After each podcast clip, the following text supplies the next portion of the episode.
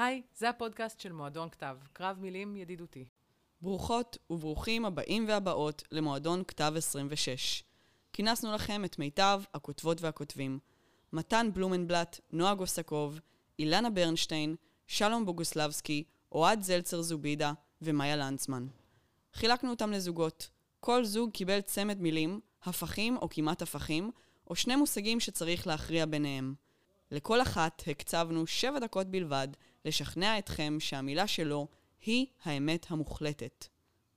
לקרב הראשון, גדול או קטן, אנחנו שמחות להציג תסריטאית, עורכת ובימאית, נועה גוסקוב, שתטען בעד קטן. הייתי הילדה הכי קטנה בכיתה. לא בקטע פיזי, בקטע קלנדרי. אמצע דצמבר, אחרונה לימי ההולדת. את כיתה א' התחלתי בגיל 6, תיכון בגיל 13, הבנתם. ואני יודעת שאני פה כדי להגן על המילה קטן, אבל אני והגודל שלי בעולם, יש לנו יחסים מורכבים. אני אתחיל מלהגיד לכם מה טוב בלהיות קטנה. כשאת קטנה את יכולה להפתיע, כי אף אחד לא מצפה מהקטן להיות גדול, כי הוא, ובכן, קטן. בקטן יש פוטנציאל שהגדול היה אמור לממש, ואז אם בפוקס, ממרום קטנותי, הצלחתי במשהו בלתי צפוי, יכולים להגיד, את, בגילך, כל הכבוד. בהתחלה זה סיוט, כן? אני חוגגת בת מצווה עם הבנים בכיתה ז', מתחילה ללמוד נהיגה אחרי שנגמר לכולן המלווה ואסור לי לשתות בשום מקום. ועם כמה שזה סיוט, הייתי קנאית למעמד הזה. כשלשכבה שלי בתיכון הצטרפה תלמידה חדשה שנולדה ב-16 בדצמבר, האדמה רעדה. אני נולדתי ב-15. היא עוד אה, חשבה שנחגוג יום הולדת יחד, החיה בסרט הזאת, אבל אחרי שהיא גזלה ממני את הכתר שאני הנקתי לעצמי מטעם עצמי, לא היה לה סיכוי. כשאני מגיעה לבית הספר לקולנוע, אני בת 20, הסדר שב על כנו, ושוב, הכי קטנה בכיתה. בשיחת פתיחת הלימודים עומד המנהל הדגול של בית הספר ומכריז, כל מי שהגיע לכאן הגיע מסיבה מסוימת, כי לכל מי שנמצא פה יש פצע. וכולם סביבי מהנהנים, כי כל אחד יודע מה הפצע שלו. זאת אה, נטשה קריירה כמוזיקאית, זה יורים ובוכים, זה דתל"ש, זה מעיירת פיתוח, זה גיי, זה גם גיי, גם דתל"ש, גם מעיירת פיתוח. ורק אני מהנהנת בכאילו, כי אני, אני קטנה אני, אני עוד לא הספקתי להיפצע. איזה פצע כבר יש לי? נגיד אולי כשהייתי בכיתה ד' שברתי את היד בטקס יום הזיכרון בצופים, זה נחשב פצע? התנדנדתי על שער כדורגל והתרסקתי על הרצפה. שחרית, המדריכה שלי, שמרה על היד שאבא שלי בא ולקח אותי לבית החולים.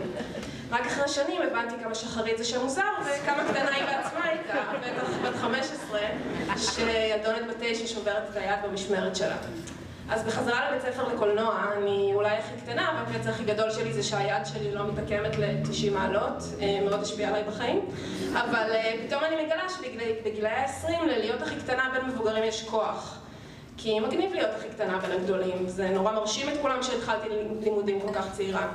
אני מרגישה שכולם מביטים בי בעיניים כלות, מתים אה, לשתות ממעיין הנעורים שהוא אני.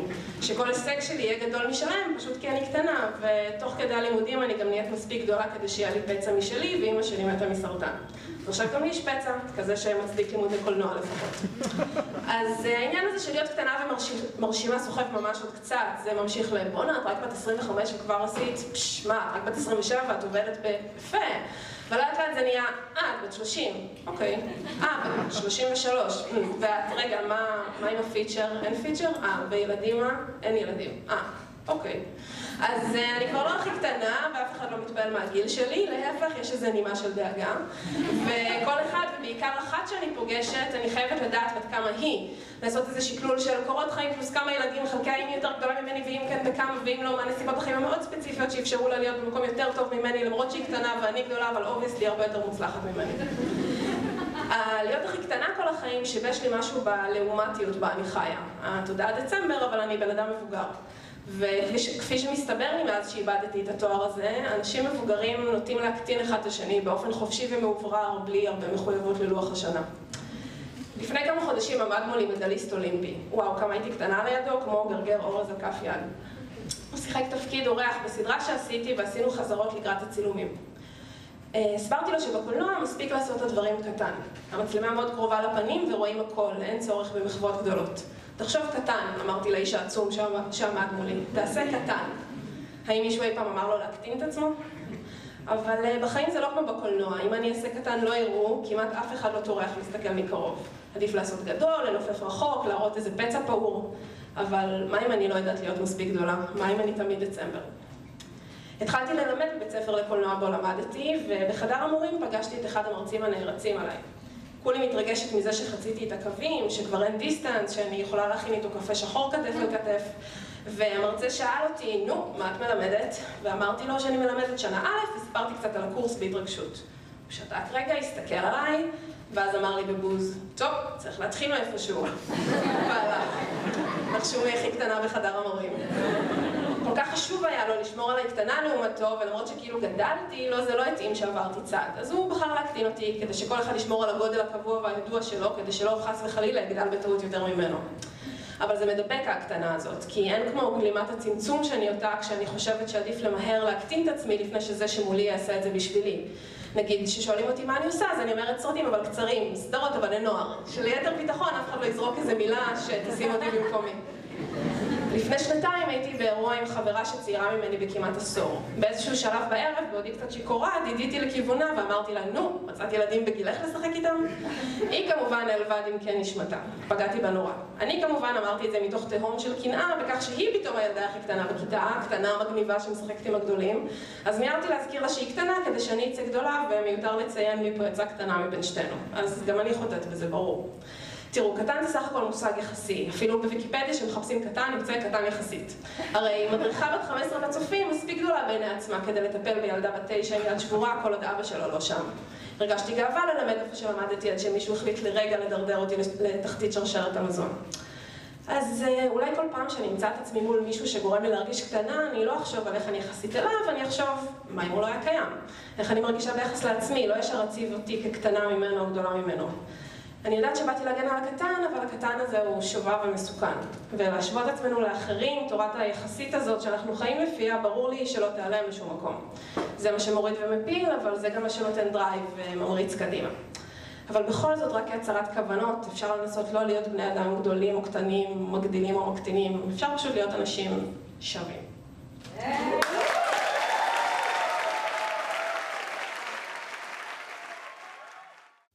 ועכשיו, הוא קומיקאי, תסריטאי ואפילו קומיקסאי, קבלו את מתן בלומנבלט, שיטען בעד גדול. אה, האמת שאני לא בטוח מה דעתי לגבי המילה גדול, אני אמביוולנטי לגביה. אפילו פיזית אני אמביוולנטי לגביה, אני לא בטוח אם אני גדול פיזית. אני מטר תשעים, אבל יש לי את היקף המותניים של מתעמלת רומניה שהמאמנת שלה מרשה לה לקבל מחזור רק יום אחד בשנה. אני לא יודע אם אני גדול, הקריירה הספורטיבית היחידה שאפשרית עם הגוף הזה היא בתור המוט, בקפיצה במוט. אני גם לא בטוח אם אני גדול במובן המנטלי, הנפשי. לפני שנה וחצי נקרא לי וילון בדירה, אני החלפתי אותו בשקית זבל. כששקית הזבל נהרסה, אני החלפתי אותה בשקית זבל אחרת. אני אומר לאנשים שזה קרה בתקופת הקורונה, כדי לתרץ את העובדה שלא פשוט קניתי וילון חדש, כמו שבן אדם בוגר אמור ומסוגל לעשות. זה לא קרה בתקופת הקורונה. כן, אפילו למוט בקפיצה במוט יש יותר אופי. אז יש לי רגשות מעורבים לגבי המילה, עם זאת אני כמובן נחוש לייצג אותה בצורה הטובה ביותר, אולי עם מידה מסוימת של ספק, כאילו אני סנגור ציבורי שעושה כמיטב יכולתו להגן על הלקוח שלו, למרות שהוא ב-70% בטוח שהבן אדם אשם, ושהוא באמת אכל משפחה בת ארבע נפשות ואת הכלב שלה עם ינון. הניצחון של גדול על קטן טמון כבר בעובדה שהמילה גדול היא אובססיה של ילדים קטנים. כל ילד קטן חושב מה הוא רוצה להיות כשהוא יהיה גדול. ילדים רוצים להיות אסטרונאוטים או כבאים או רופאות. אני רציתי להיות החתול הסמוראי הזה שיש לו תותחים על הגב. ואתם יודעים למי אני מתכוון, הוא לא אחד מהשלושה הרגילים שהם שכירים בפיצריה, הוא פרילנסר שקוראים לו רק כשהמצב ממש מסתבך באופן שמצריך תותחים. ככה זה, כילד אתה מדמיין את כל האופציות הנפלאות שיהיו פרוסות לרגליך כשתהיה גדול, ואז אתה נהיה גדול ואתה מבין שהעבודות היחידות שבאמת קיימות זה הייטק ועוני.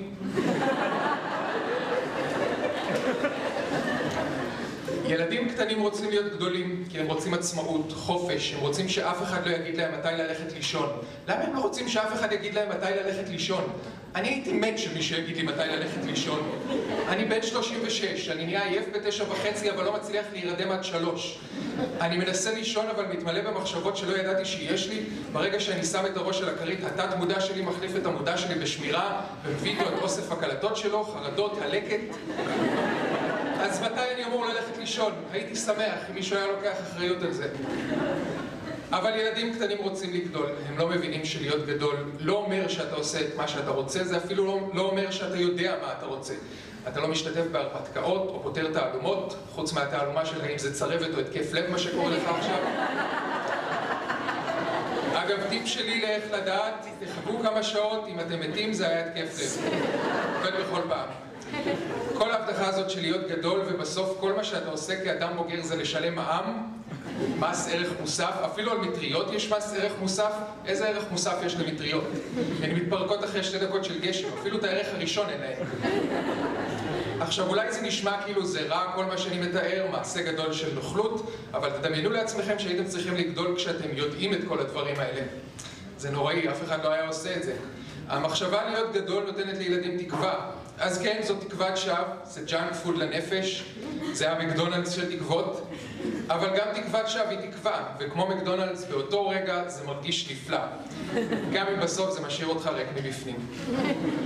צריך גם לומר, מדובר במילה מאוד שימושית, למשל, נניח שקרה לכם הנורא מכל, ודודה שלכם שלחה לכם סרטון בוואטסאפ בצירוף של סמיילי בוכה מרוב צחוק, ואין לכם, פשוט אין לכם את הכוחות הנפשיים לצפות בו, אבל אתם מרגישים מחויבים להגיב. אין בעיה, פשוט תכתבו לה בחזרה גדול אחי. או נניח שאתם בעבודה חדשה וקיבלתם הסבר טכני מסובך שלא הבנתם שום דבר ממנו, אבל לא נעים לכם להודות, כי מי מודה בדברים. אין בעיה, כששואלים אתכם אם הבנתם, פשוט תגידו, אה, בגדול. כשאנחנו רוצים לסמן שמשהו בעל חשיבות היסטורית, איזו מילה אנחנו מוסיפים לו? גדול. גדול. השפל הגדול, הכהן הגדול, פופקורן גדול. יש את החומה הגדולה של סין, הסיבה היחידה שאנחנו יכולים לקיים את הערב הזה ללא חשש מפלישה מונגולית. ויש, יש כמובן את המפץ הגדול, האירוע שבזכותו קיים היקום. שאני מודה, הוא לא המקום החביב עליי. כל מי שאני שונא גר שם. אני גם לא מת על העיצוב, הכל שחור, כאילו מי שצבע אותו היה ילד בן 14 שבדיוק גילה את מטאליקה ושהוא שונא את ההורים שלו. אבל למרות ההסתייגויות שלי לגבי היקום, אין מה להגיד, אם אתם מסוג האנשים שאוהבים להיות קיימים, היקום הוא מונופול בתחום. הלוואי והייתי יכול לעמוד מולכם ולטעון שהמילה גדול היא מושלמת, היא לא, אבל היא מילה חשובה, היא מעניינת, היא מורכבת, ולחשוב שמשהו הוא לא טוב רק בגלל שהוא מורכב, זאת חשיבה של ילדים קטנים. ולכן אסכם ואומר שהמילה גדול בהחלט עדיפה על המילה קטן. ושהיא ודאי וודאי לא אכלה משפחה בת ארבע נפשות ואת הכלב שלהם, ינון. תודה.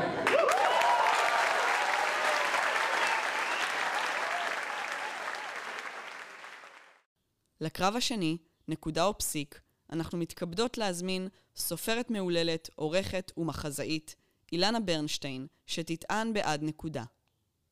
תנו לי נקודת משען ואזיז את העולם, אמר ארכימדס. זהו. אין לי מה להוסיף, חוץ מנקודה כמובן.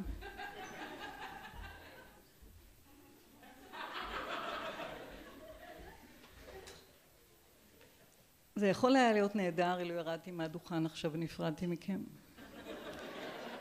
אבל משלמים לי על שבע דקות. ועוד קיבלתי נקודה.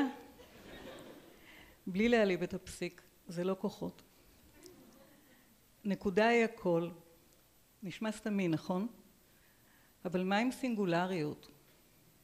תחשבו על זה. מעשה אינסופית בדחיסות אינסופית. כלומר, נקודה. משם באנו. אבל לפני שאבלבל את עצמי במונחים שאני לא ממש מבינה בהם, אני רוצה להציג בפניכם אה, תרשים מספר אחת מטעם ההגנה. אתם בטח שואלים את עצמכם מה זה? ובכן, זה לא חיקוי של ביבי. אני לא אחשוף הערב את סודות הגרעין האיראני. מה שאתם רואים זה מה שזה, נייר לבן. או אימת הנייר הלבן. מי שכותבת, או כותב, גם זאת נקודה אגב שעמדו עליה, נקודה המגדרית, אתן מכירות את הנקודה הזאת. למשל, א' נקודה נשים, אבל אני גולשת, כל מי שכותב נקודה תו, כלומר כותבת, מכיר, נקודה ה', כלומר מכירה, את, את האימה הזאת על בשרה, בשרו, כאן נדרש אלכסון, לא משנה, הבהרתי את הנקודה. עכשיו אני אסמן נקודה, כן, כולם רואים, ונראה איך הכל משתנה. יש נקודה, ויש מסביב לנקודה. יוסף חיים ברנר אפילו כתב רומן בשם זה, מסביב לנקודה. רק סימנתי נקודה וכבר יש לנו יכולת להתייחס למשהו. יש עולם, יש נקודת משען, ועכשיו אני אנסה להזיז אותו. מהפסיכואנליזה, אי אפשר בלי פסיכואנליזה, אנחנו לומדות שהלא מודע לא מסוגל למקם את עצמו בלי, בלי נקודת התייחסות. כאילו המודע יכול. אה, ומילא נקודת התייחסות, האם הלא מודע או המודע יכולים למקם את עצמם בלי נקודת מוצא, בלי נקודת אה, מבט, נקודת משען, נקודת ראות, נקודת שבירה, נקודת שיא, נקודת מפנה, נקודת קיצון, נקודת חיתוך, נקודה מטה. ומה עם הנקודה היהודית? לא משנה איפה ובאיזה עניין, איפה שיש נקודה, יש גם יהודית. אני לא אדבר על נקודת מכירה, נקודת קיפאון, נקודת תצפית, נקודת הצתה, ממש לא על נקודת הצתה, גם לא על נקודת חשמל או נקודת משטרה, אלה נקודות רגישות מאוד בימים אלה. אבל מה עם נקודת מגוז, נקודת חן או נקודת G? נדמה לי שאנחנו כבר כאן, כלומר הגענו לנקודת רוויה עם כל ההתרברבות הנקודתית הזאת, אף על פי שאני יכולה להמשיך כן? עם נקודת הנחה, נקודת השקפה, נקודת תורפה, נקודת מחלוקת, ובלבד שלא אגיע לנקודת האל חזור. אבל אני יכולה להגיח גם מכיוון אחר ולדבר על הפואנטליסטים. אותם ציירים פוסט אימפרסיוניסטים, סרה וסיניאק שלא רק ראו נקודות וחשבו נקודות, הם גם ציירו נקודות. ואני יכולה גם לדבר על מעשה בחיריק מאת נתן אלתרמן ומהו חיריק אם לא נקודה?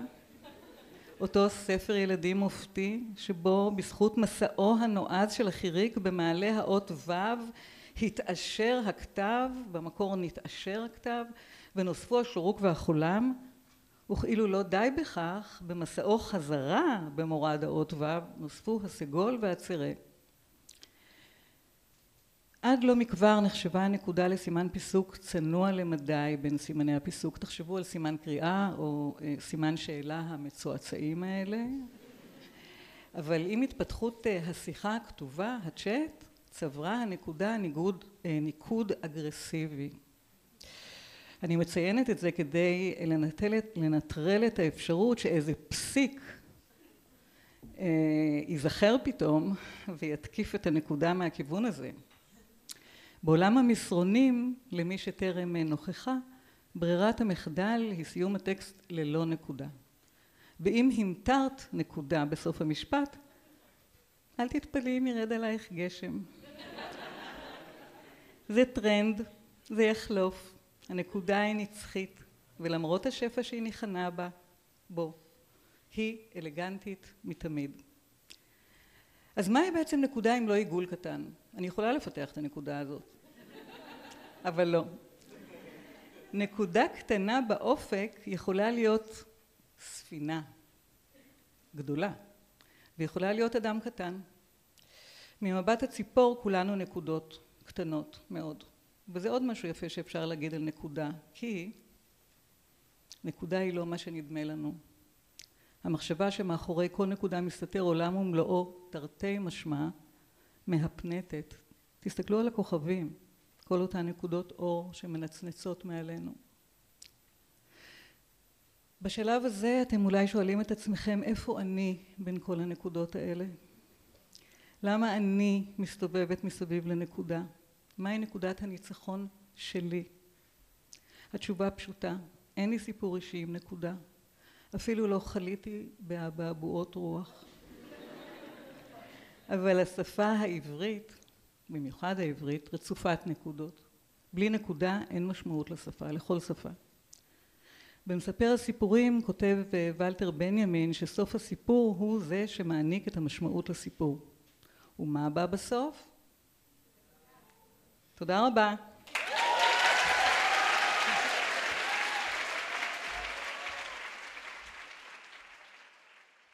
וכעת, מרצה, מורה דרך וידען גדול, שלום בוגוסלבסקי, שיטען בעד פסיק. פעם, מזמן, לא היו סימני פיסוק. בתנ"ך למשל אין סימני פיסוק בכלל. אז משה יושב שם על הר סיני עם פטיש ואזמל ביד, מחכה לכתוב מה שיכתיבו לו, ואלוהים ככה ושחט את הפר לפני אדוני והביא הכהן המשיח מדם הפר אלו אל מועד וטבע לכהן אצבעו בן אדם. והיזה שבע פעמים לפני אדוני את פני הפרוכת ובן אדם ייתן על קנות המזבח אשר לפני אדוני אשר בו אל מועד ועשה לפר כאשר עשה לפר החטאת כן יעשה לו. והוציא את הפר אל מחוץ למחנה ושרף אותו כאשר שרף את הפר הראשון. שנייה בן אדם. כלומר אה, לא בן אדם זה בערך כל העניין. דבר אה, משהו אה, מה שלא יש בטוח לא צריך לנשום באמצע המשפט, אתה חופר, cut, לחתוך. המשמעות המילולית של פסיק ביוונית עתיקה לפי הסמכות העליונה בעולם שלנו, ויקיפדיה, זאת המצאה של בני אדם, בשביל בני אדם, על ידי בני אדם. אנחנו משתמשים בפסיקים כדי להפוך טקסט למשהו שיותר דומה למוזיקה. raise up, פסיק, get yourself together and drive your, uh, that funky soul. זה ג'יימס בראון. אתם יודעים אצל מי אין פסיקים? אצל ריכרד fucking וגנר אין פסיקים, אוקיי? אצל וגנר זה טן טה טן טן טה טה טן טן טן טה טן טן טן טה טן טן טה טה טן טן טה טה טן טן אין שום פסיקים במעוף הוולקיריות של וגנר כי אין הפסקות הן פשוט עפות בלי הפסקה ומפציצות כפריים וייטנאמים הן לא עוצרות הן לא יכולות לעצור כי אז הן פשוט יפלו ואני מניח שהווייטנאמים פשוט יאכלו אותם לא שאני בטוח שזה רעיון כל כך רע. יש כמובן אנשים, לא ננקוב בשמם, שיטענו שיש בעולם עוד סימני פיסוק, נקודה למשל. אז אני רוצה לספר לכם משהו על נקודה. אני לא רוצה לטנף חלילה, לכל אחד ואחת יש זכות לדעה משלו או משלה, גם אם היא לא נכונה, אבל בינינו נקודה היא גרסת הפאסיב אגרסיב של סימן הקריאה. נכון, היא לא שמה מולך קיר בסוף המשפט כדי לבטא שאתה לא מתקדם הלאה בלי רשות, היא פשוט עושה לך ככה באצבע. סליחה, היי, כן, אתה. אתה שמעת מה אמרתי, אדוני הצעיר? כי היה פה משפט הרגע עם נשוא ונושא ופסוקיות, הכל לפי החוקים והכללים, זה משפט ממש חשוב שהשקעתי בו המון מחשבה, אז אין מצב שאתה מתקדם בלי שנוודא קודם שהבנת וקיבלת. אז עצור, תחתום פה ופה, תוסיף תאריך, עברי, שב, קום, תתכונן, מההתחלה. פסיק לעומת זאת מכניס אוויר לטקסט. הוא חותך אותו לחתיכות נוחות לבליעה, הוא הופך אותו למודולרי, הוא הופך אותו לאישי. הפסיק מרשה לנו להכניס מילה משלנו, להוסיף, להעיר, לסייג, הוא הופך הוראות הפעלה או רשימת תקבולים ממיסים כמו שהוא כל הטקסטים של מי שהמציאו את הטקסטים למשהו שיש בו גרוב ויש בו נשמה.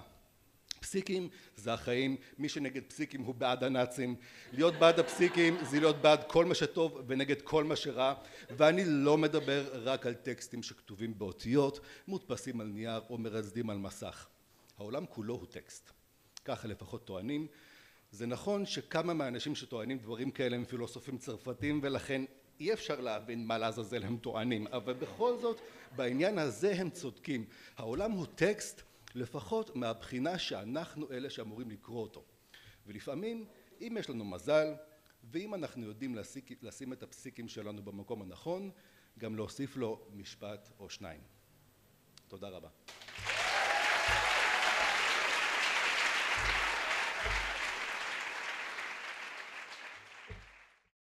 לקרב השלישי והאחרון, לתקן או לקלקל, יעלה כותב, חוקר ומגיש פודקאסט, אוהד זלצר זובידה, שיטען בעד לתקן. אני לא מאמין גדול בחופש בחירה. לא בקטע דתי, אלא יותר בקטע פוסט-מודרניסטי. וזה באסה, כן? נראה לי שאלוהים הוא הבניה תיאורטית הרבה יותר כיפית להשתטח על מזבחה מאשר יחסי כוח, מגדר ומעמד. אבל מה לעשות?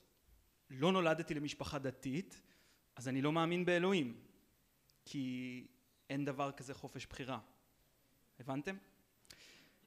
לא השתכנעתם? בואו נעשה תרגיל. תחשבו רגע ממש חזק ותנסו להיזכר. מתי בפעם האחרונה בחרתם משהו בחיים שלכם? ואני לא מתכוון לדברים הקטנים שנותנים לנו אשליה של חופש בחירה, לאכול במבה או ביסלי, לשתות בירה או יין, ללכת למועדון כתב או לשבת בבית כמו אפס. אני מתכוון לדברים גדולים, מהותיים. ברור אתם בטח חושבים לעצמכם, בחרתי מה ללמוד, בחרתי מי להיות, בחרתי במה לעבוד, בחרתי איפה לגור, אבל אני לא כל כך בטוח. אתם יכולים להיזכר ברגע שבו ישבתם ועשיתם את החשבון, שבו קיבלתם את ההחלטה, שבו עשיתם את פעולת הבחירה? כן. אני זוכרת את הרגע המדויק שבו בחרתי ללמוד תקשורת חזותית בשנקר, לעבוד עשר שעות ביום כתקציבאית במשרד פרסום ולגור בממ"ד של דירת שותפים מסריחה בשוק לוינסקי עם הבן זוג הגוש שלי שלא כי גר פה כבר חודשיים ולא משתתף בשכר דירה כי הוא מוציא את כל הכסף שלו על סמים. Hmm. כל מי שלא ישתכנע תפגשו אותי בחוץ אחרי שנסיים ונלך מכות. אבל בינתיים, בסדר, אני אלך לקראתכם. נגיד שלפעמים אנחנו באמת ניצבים בפני פרשת דרכים מטאפורית, שוקלים את האפשרויות שלנו ומקבלים החלטה.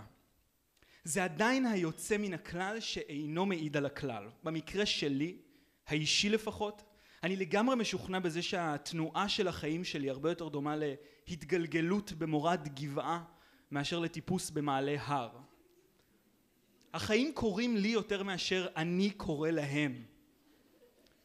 ושלא תבינו אותי לא נכון, אני לא בא להוריד. יש בזה משהו מאוד משחרר. משחרר מהצורך שלי להרגיש בשליטה כל הזמן, מהאשמה התמידית שלי על זה שאני לא עושה יותר, לא מתקדם מהר יותר. אבל גם בתוך היעדר חופש הבחירה הזה, יש דבר אחד שאני משוכנע שנמצא בתחום הסמכות שלנו, וזו היכולת לתקן.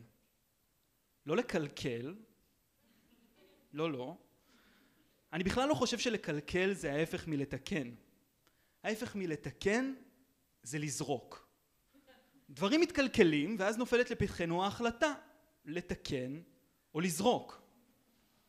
רבי עקיבא, שהיה פילוסוף פוסט מודרניסט ידוע, אמר הכל צפוי והרשות נתונה. מה שצפוי זה שדברים יתקלקלו. זה טבעו של העולם. לנו נתונה הרשות להחליט מה לעשות לגבי זה.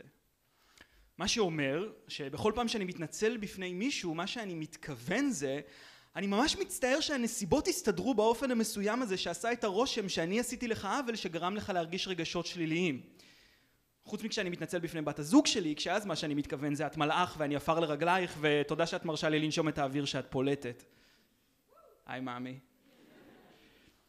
לא כי אני מסיר אחריות מעצמי להפך הדבר היחיד שאני יכול להיות בטוח לגמרי שאני לוקח על עצמי זו האחריות. אחריות במובנה כ-responsibility, לועזית.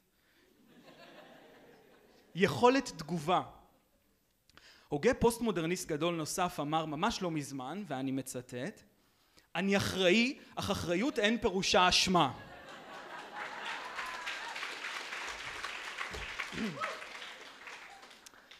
ויש מובן רציני לגמרי שבו הוא צודק אבל המובן הזה הפוך לגמרי ממה שהוא התכוון הוא באמת לא בהכרח אשם אבל גם אם הוא לא אשם הוא צריך לשאת באחריות על כל המשתמע מכך כי מאותם הטעמים שבגינם אני לא ממש מאמין בחופש בחירה אני לא לגמרי משתכנע מכל הסיפור הזה של סובייקטיביות אחדות הנפש והתמדתה בגוף וכל הג'אז הזה אוהד של אתמול עשה משהו מגעיל שפגע בך? אני אתנצל בשמו, בדוק שכן. אבל אני לא לגמרי בטוח שאני עדיין הוא. על הדבר הרע שעשיתי, על הקלקול, אין לי יותר שליטה. אולי הייתי רעב. אולי הייתי בטוח לגמרי שאני צודק ואתה טועה וזה מצדיק את כל האמצעים. ואולי חשבתי שמגיע לך ואמרתי לך משהו מגעיל כי לפני רגע דחפת זקנה או העלמת מס ואולי עכשיו אני מתחרט על זה ואולי גם לא אבל זה לא ממש משנה אני לא יכול לשנות את מה שעשיתי, את מה שאוהד של אתמול עשה. כל מה שאני יכול לעשות זה להחליט איך אני מגיב למצב הנתון, ברגע הזה. ובגלל זה התיקון הוא לגמרי בתחום האחריות שלי. אתן לכם דוגמה. ביום הראשון של כיתה י' התאהבתי בילדה שלמדה איתי בכיתה. שנה שלמה חיזרתי אחריה ושנה שלמה היא לא ממש נהנתה עד שבסוף כן ונהיינו יחד. חודשיים אחר כך היא שברה לי את הלב כשהיא נפרדה ממני ביום הזיכרון ליצחק רבין. אני זוכר כי לבשתי חולצה לבנה, החולצה הלבנה היחידה שהייתה לי בארון, שהוחתמה כולה בדמעות, והייתי צריך לחכות שהיא תתייבש לפני שיצאתי מהכיתה הריקה כדי ללכת הביתה. בינינו, היא נפרדה ממני ממש בצדק. אני ממש אהבתי אותה ואני די בטוח שגם היא אהבה אותי, אבל היינו צעירים מדי וטיפשים מדי והסביבה הייתה רעילה מדי, כאמור, אחראים אבל לא אשמים. לא יכולנו לעשות שום דבר אחרת. ואז שנתיים אחר כך, ממש לקראת סוף כיתה י"ב, נהיינו יחד שוב. וזה היה התיקון. ובכלל, יש מובן שבו אהבה, כשהיא עובדת, היא תהליך אינסופי של תיקון. מרחב טהור של ריבונות וסוכנות. לא בקטע של לתקן את מי שאתה אוהב. זו לא אהבה, זו הפרעת אישיות נרקסיסטית. אלא בקטע של לקיחת אחריות. אחריות ולא אשמה. מול העולם, שנוטה לקלקל ולהרים קשיים, ומול עצמנו של אתמול, שהוא תמיד בן אדם הרבה יותר גרוע מעצמנו של היום. ואם עדיין לא השתכנעתם, כל מה שיש לי להגיד לכם זה שאם תתקנו מספיק טוב, די, שאם תתקנו מספיק טוב ומספיק חזק, יש מצב שעשר שנים אחר כך הילדה שהתאהבתם בה ביום הראשון של כיתה י' תלווה אתכם לכל מיני אירועים שבהם אתם קוראים דברים ממש אישיים שכתבתם מול קהל של אנשים זרים. אני ממליץ. היי מאמי.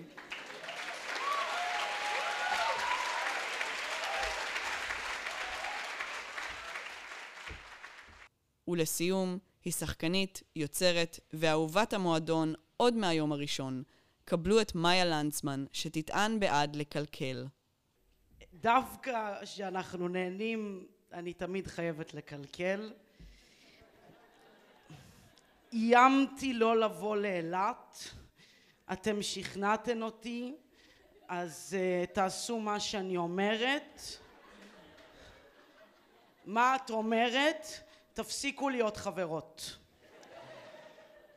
בפעם אחרת שיחקנו בלוני מים בחניון של שטריקר עם מאיה יפה שנשבר לה הלב שגילתה שלאונרדו דיקפריו אנטישמי והיא עלתה לקרוע את הפוסטרים בבכי של המחזור הראשון.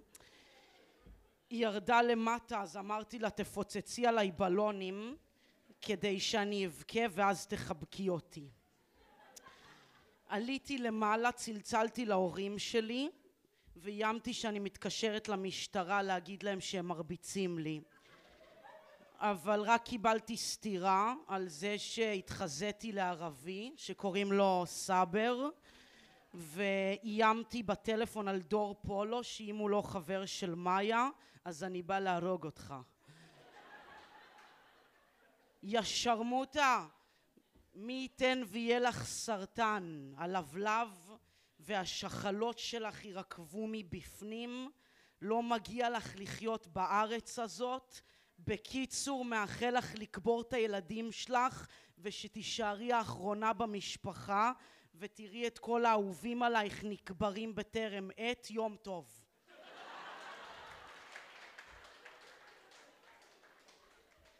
גם לך מיכה המתסיס. כן כן זהו שמו.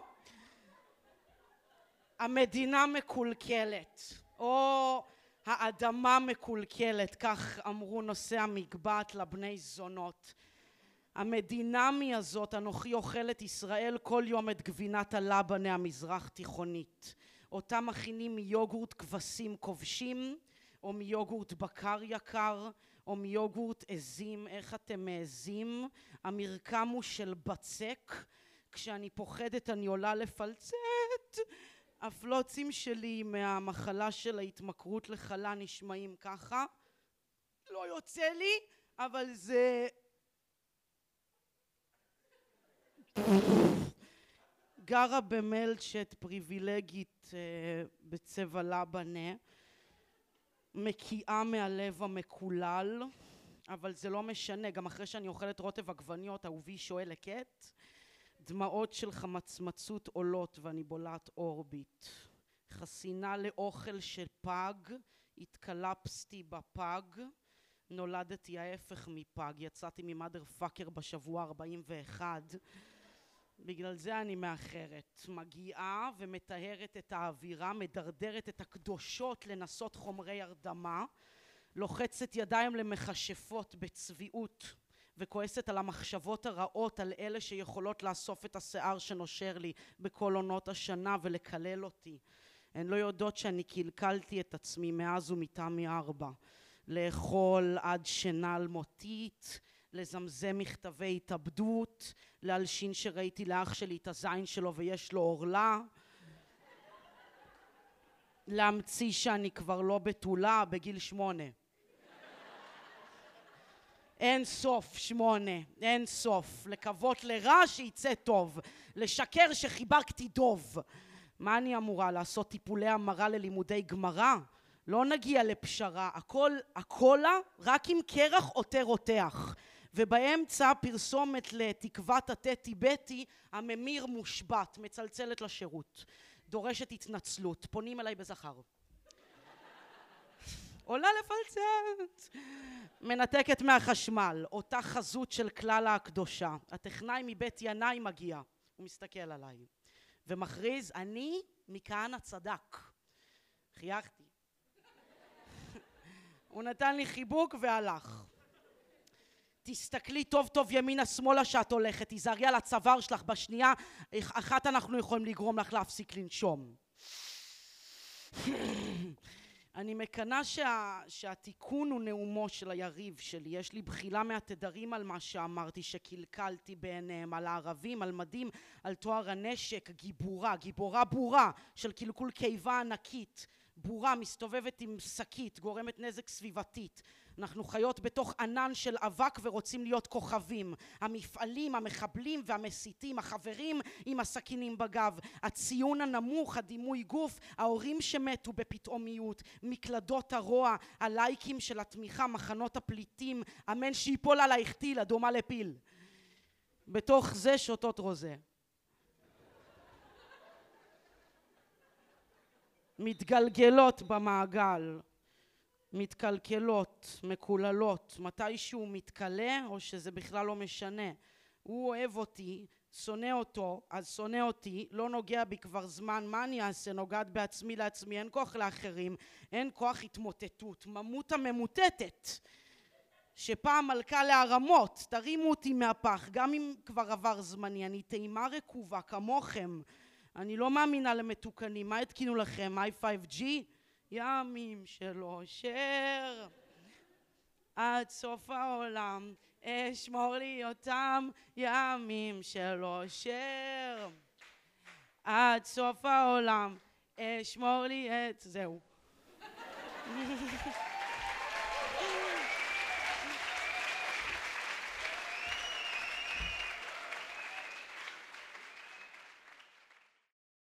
עד כאן מועדון כתב, תודה שהייתם איתנו. נתראה במועדון הבא.